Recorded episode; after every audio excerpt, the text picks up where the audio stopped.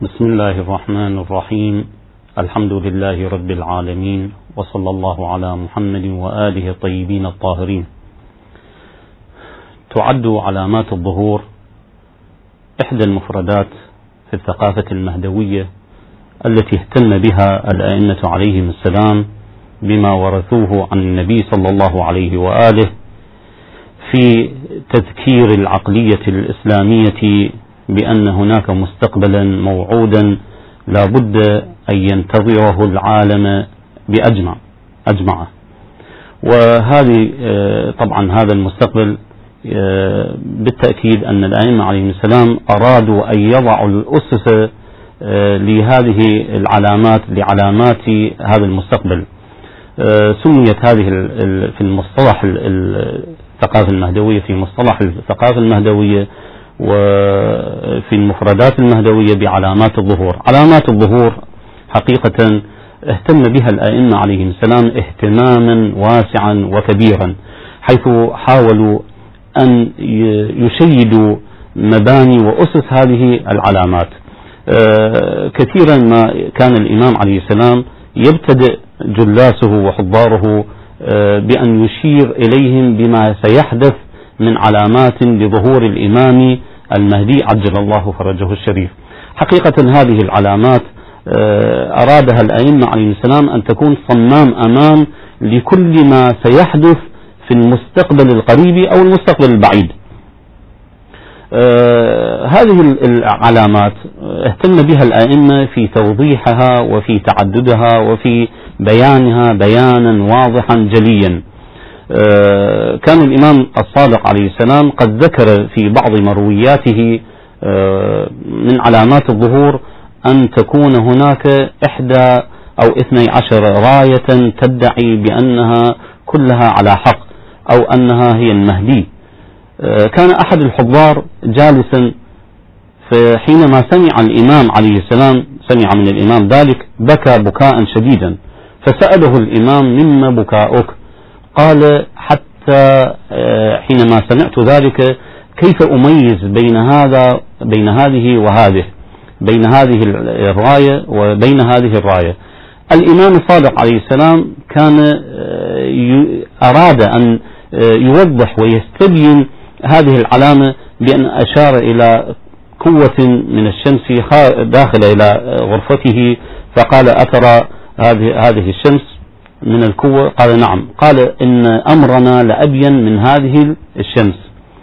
آه، الحقيقة أن أمر القوية المهدوية أو أمر الإمام المهدي عليه السلام بين واضح. ولكن الأئمة عليهم السلام أرادوا أن يضعوا هذه الأمور آه، موضع موضعا ملموسا يستطيع معه المكلف أن يعرف تكليفه حينما تختلط عليه الأمور.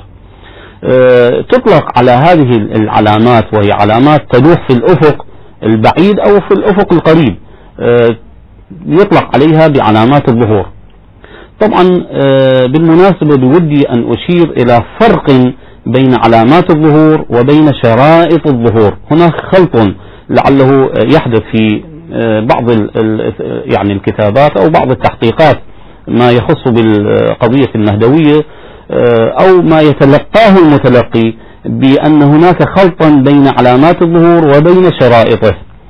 علامات الظهور هي العلامة أو البينة أو الدالة التي تدل على ظهور شيء قد خفي آه، على ظهور الإمام عليه السلام على ظهوره بعد غيبته. هذه علامات الظهور. ولهذه العلامات طبعا روايات صحيحة وروايات بعضها مقبولة أيضا.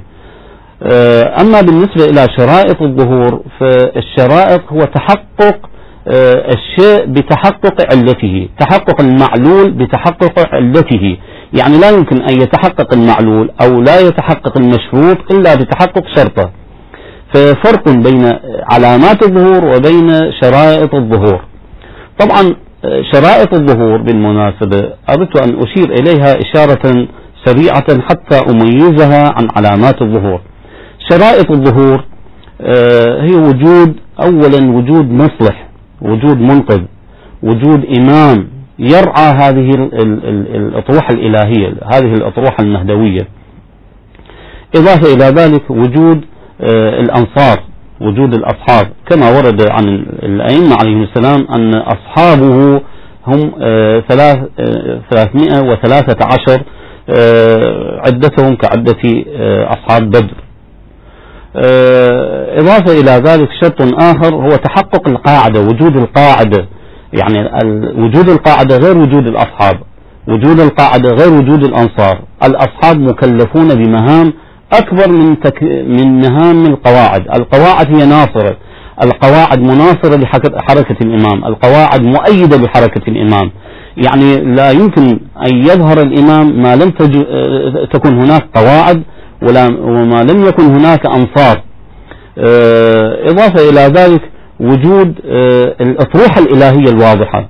يعني الطرح المهدوي آه، الذي طرحه الأئمة عليهم السلام وطرحه الإمام المهدي أيضا يجب أن يكون واضحا لتحقق ضرورة هذه الأطروحة. يعني إذا لم تكن هذه الأطروحة معروفة أو أن غياب المعرفة المهدوية أو غياب معرفة الأطروحة المهدوية لا يمكن شرط آخر هو وهو أهمها شرط تحقق الظلم. آه، إذا لم يتحقق ظلم لم يكن هناك آه، يعني ضرورا لظهور إمام لظهور مصلح لظهور منقذ.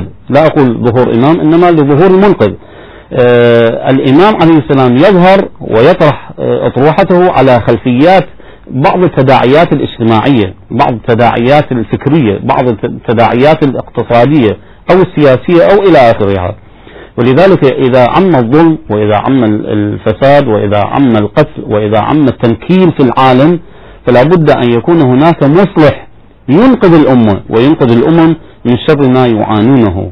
إذا آه، طرح القضية قضية الإمام المهدي عليه السلام بهذه آه، الكيفية لا بد أن تكون هناك آه، معرفة قبلية لأن يتلقى المكلف هذه الأمور بوضوح وببيان جلي آه، أن أشير إلى أن الأئمة عليهم السلام حينما أشاروا إلى مروياتهم آه، نجد أن بعض المرويات آه، ضعيفة السند. وبعضها صحيحة. إذا أردنا أن نحقق في ضعف السند وفي صحة السند لا بد لنا أن نتبع ما اتبعه الرجاليون في تحقيق بعض المرويات الفقهية المروية عن الأئمة عليهم السلام. وبذلك سنكون قد طرحنا الكثير من علامات الظهور. يعني لا يمكن لنا أن نقف على أسانيد صحيحة أكثرها أكثر علامات الظهور لا تمتلك آه، أسانيد صحيحة إنما أكثرها مراسيل. وعلى ما أعتقد أن هذه الأطروحات أن هذه العلامات التي طرحها الأئمة عليهم السلام ورواها الأصحاب أصحابهم آه، كانت للتقية آه، كانت مراسيل لا يستطيع الراوي أن يصرح باسمه أو أن يصرح عمن رواه. لكنه هي معروف أنها رويت عن الإمام الصادق عليه السلام أو عن الإمام الباقر. روي عن الإمام أبي جعفر روي عن الإمام أبي عبد الله الصادق روي عن الإمام أمير المؤمنين عليه السلام. وهكذا تجد أن أكثر آه، أسانيد هذه الروايات هذه العلامات لا تمتلك السند الصحيح اللي يمكن لنا أن نجعله تحت طاولة التصحيح الرجالي أو السندي. هذا شيء. الشيء الآخر على ما أظن وعلى ما أعتقد أن علامات الظهور لا يشترك فيها المسلم وغير المسلم. لا يشترك فيها الثقة وغير الثقة. لا يشترك فيها المؤمن وغير المؤمن. أه عفوا. آه، العلامات الظهور يجب أن تؤخذ تؤخذ بعين الاعتبار أن المؤمن وغير المؤمن يشترك في تقديم هذه الرؤية. آه، الصحابي وغير الصحابي يشترك في تقديم هذه الرؤية. آه، بالتأكيد أن علامات الظهور هي قضية محسوسة هي قضية تتعلق بمصير الإنسان هي قضية تتعلق بمستقبل الإنسان بنهايات الإنسان بنهايات المجتمع. ما الذي سيؤول إليه المجتمع؟ آه، ولذلك تجد أننا حينما نقرأ بعض علامات الظهور نقرأها على أساس أن الراوي يهتم باهتماماته الإنسانية وبدواعيه النفسية برواية وبملاحقة وبمتابعة هذه العلامات فيرويها على أن هناك مستقبلا أمامه ينتظره وتتحقق على ضوء هذه هذه هذه الأطروحة وهذه العلامة تتحقق قضية إنقاذ يعني قضية النصح وقضية المنقذ العالمي. إذا هذه العلامات أو هذه الروايات المروية في علامات الظهور لا يمكن أن نجعلها تحت طاولة التصحيح الرجالي. حينما يصعد النبي صلى الله عليه وآله على المنبر كما رواه كثير من أهل السنة ومن علماء الشيعة كذلك رووا أن النبي صلى الله عليه وآله في يوم من الأيام صلى صلاة الصبح وصعد المنبر وبين ما ينتظر الناس من أمور مستقبلية أشار إليها بعضهم بالفتن والملاحم. ثم يعني بقيت هذه يعني الخطبة الجلي الجليلة من النبي صلى الله عليه وآله مستمرة حتى صلاة الظهر. فصلى الظهر ثم صعد المنبر وتكلم عما يدور أو ما سيجري في المستقبل البعيد والقريب. ثم صلى صلاة العصر ثم بعد ذلك صعد المنبر واستمر كذلك بالتحدث عما سيحدث في المستقبل. ثم صلى صلاة المغرب وهكذا بعد صلاة المغرب آه، صعد المنبر وبين ما سيدور وما سيجري. كان هذا اليوم يوما ملحميا. ذكره النبي صلى الله عليه وآله بمحضر من مجاميع المسلمين من جموع المسلمين من جموع المصلين. ولذلك رواه الثقة وغير الثقة.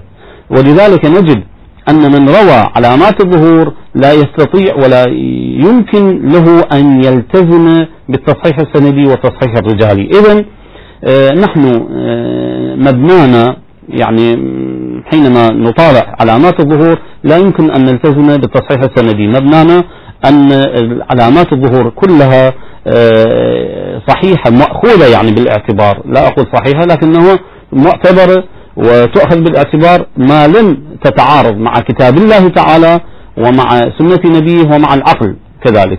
فإذا آه، لم تتعارض مع هذه الأمور آه، يمكن أن تؤخذ هذه العلامات ويمكن أن آه، يتعاطى معها الإنسان تعاطيا معتبرا وتعاطيا عقلائيا.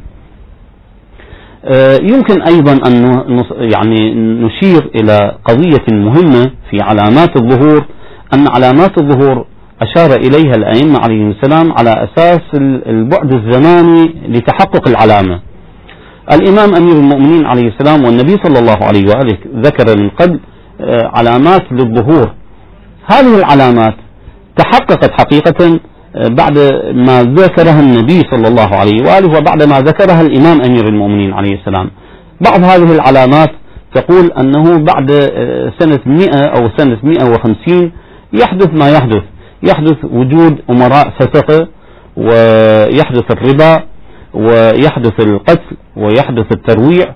وقد حدث ذلك بعد آه، ذلك بعدما يعني أشار إليه الإمام أمير المؤمنين عليه السلام بما مر من آه، حكم بني أمية وحكم بني العباس كذلك من معارك ومن آه، تنكيل ومن ترويع ومن إلى آخره. هذه العلامات علامات بعيدة عن آه، يوم الظهور. بعيدة زمانا عن يوم الظهور. هناك علامات متوسطة الظهور متوسطة البعد الزماني. آه هذه العلامات ذكرها الأئمة عليهم السلام خصوصا الإمام الصالح عليه السلام. أشار إلى آه علامات تتحقق منها ما أشار إليه من حكم بني العباس وما يحدث من حكم بني العباس.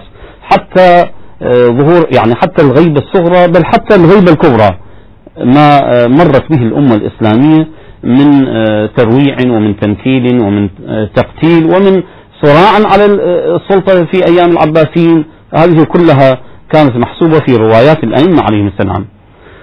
هناك أيضا علامات يمكن تقسيمها إلى علامات أيضا بعيدة نوعا ما إلى يوم الظهور. هذه العلامات يمكن أن تطلق عليها بالعلامات الحتمية وهي آه، علامات ذكر السلام وأكدوا عليها وقالوا لا يمكن أن آه، يكون هناك ظهور ما لم تتحقق هذه العلامات. هذا الظهور أو هذه العلامات هي خمسة وسميت بالحتميات آه، منها ظهور السفياني ومنها ظهور اليماني وظهور الخراساني ومنها الصيحة أو النداء في السماء ومنها الخسف في البيداء وقتل النفس الزكية. طبعا في ضمن هذه العلامات علامات الظهور الحتمية هذه أيضا فيها بعد زماني نوع يعني نوعي وعلامات حتمية حينما تتحقق يتحقق الظهور. بينها وبين الظهور أيام قلائل ليال قلائل مثل الصيحة ومثل قتل النفس الزكية. طبعا هذه العلامات الحتمية التي أشار إليها الأئمة عليهم السلام وقالوا من المحتوم عبروا عنها هذه العلامات من المحتوم ظهور السفياني واليماني وإلى آخره. هذه العلامات الحتمية لا بد أن تتحقق. طبعا هذه العلامات الحتمية لا يمكن لها أن تكون تحت طاولة البداء وإن كان هناك عندنا روايات آه، أشارت إلى أن هذه العلامات الحتمية أيضا يمكن أن يتحقق فيها البداء. كما أشار الإمام الجن إلى بعض هذه العلامات الحتمية قال ممكن أن تكون هذه العلامات المحتومة يتعرض إليها البداء فتمحى أو آه، تنسخ فلا يبقى من المحتوم إلا ظهوره عليه السلام إلا ظهور الإمام المهدي. آه، الشيخ المفيد أشار إلى آه، هذه الرواية ووجهها توجيها معينا قال أن الإمام الجواد عليه السلام قصد من ذلك علامات الظهور الحتمية أن هناك سيحدث البداء في جزئياتها في جزئيات التحقق يعني بدلا أن يكون السفياني قد تحرك من النقطة أليف إلى النقطة باء ممكن أن. يكون تحركه من النقطة أليف إلى نقطة أخرى ممكن أن يكون تحرك ال... ال... اليماني في اليوم الفلاني لابد أن يكون هناك بداء وسنتعرض إلى معنى البداء. لا يمكن لابد أن يكون هناك بداء في الجزئيات وكذلك حركة الخراساني وكذلك الخسف في البيداء. إذا الجزئيات في هذه الحتميات يمكن أن تكون يعني تحت طاولة البداء ويؤخرها البداء أو يمسخها أو يبدلها أو إلى آخره.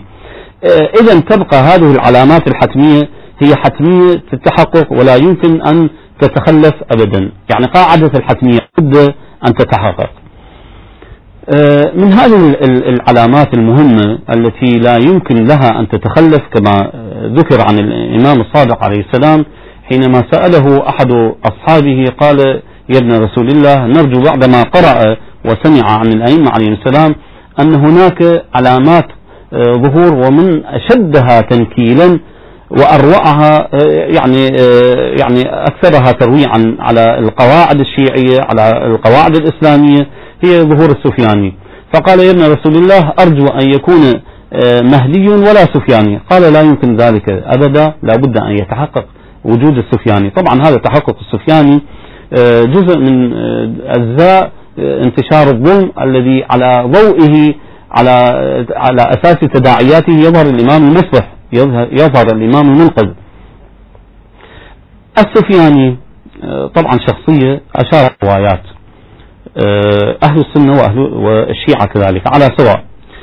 آه، لكن نجد أن هناك شخصية أخرى حاول بعض المحققين آه، تهويلها وجعلها بديلا عن السفياني وهي الدجال.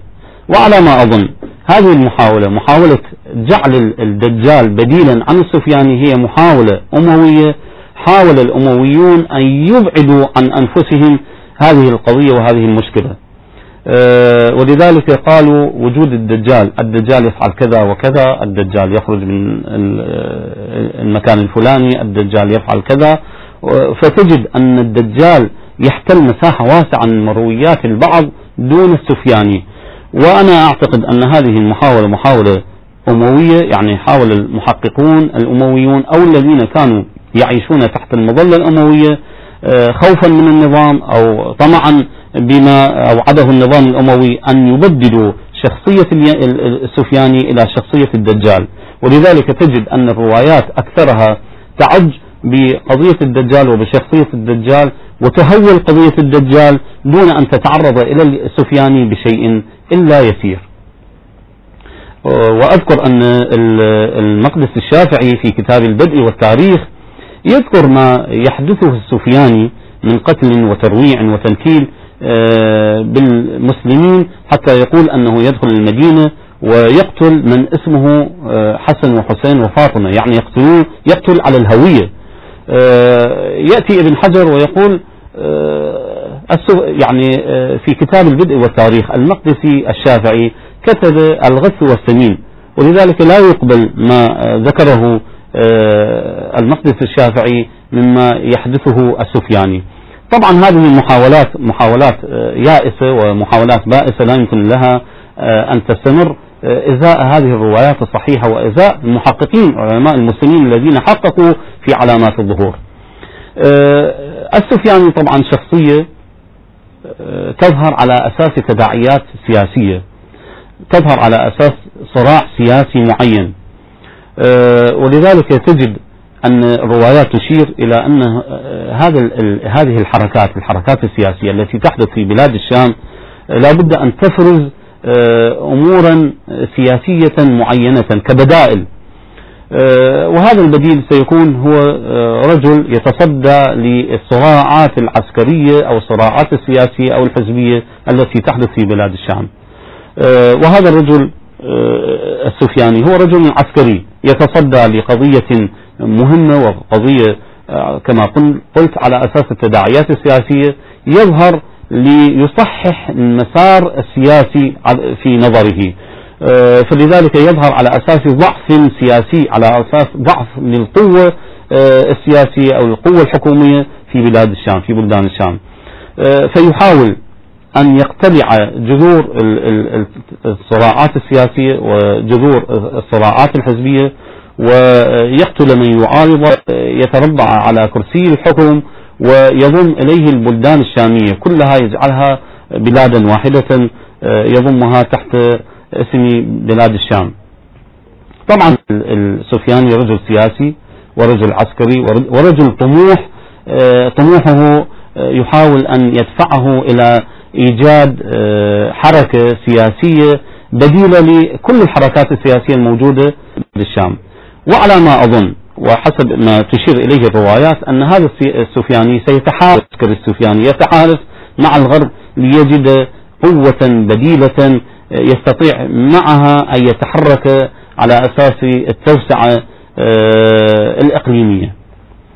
طبعا حينما آه، تكون هناك آه، يعني تداعيات سياسية وتداعيات عسكرية لا بد أن تكون هناك معارضات أيضا. لا بد أن تكون هناك حركات مناوئة للسفياني كذلك. هذه الحركات آه، المناوئة للسفياني ستكون حركات ضعيفة بالتأكيد. لا تقوى أن تعارض السفياني. آه، منها راية الأصهب الراية طبعا آه، القيادة أو الحركة أو الجيش كما هو معبر في الروايات. راية الأصهب وراية المصري أو راية المغربي. بعض الروايات تقول المصري والمغربي هما واحد كلاهما واحد. لعله هو مصري آه، موجود في مصر يقود حركة آه، في مصر حزب في مصر آه، حركة عسكرية في مصر لكنه أصله من المغرب. ولذلك بعض الروايات تعبر عنه المغربي في مصر أو المصري المغربي. هذا طبعا حينما يسمع بوجود السفياني وبحركة السفياني يتوجه يحاول أن يتوجه إلى بلاد الشام ليقف أمام السفياني أو ينتزع الحكم حكم بلاد الشام من السفياني.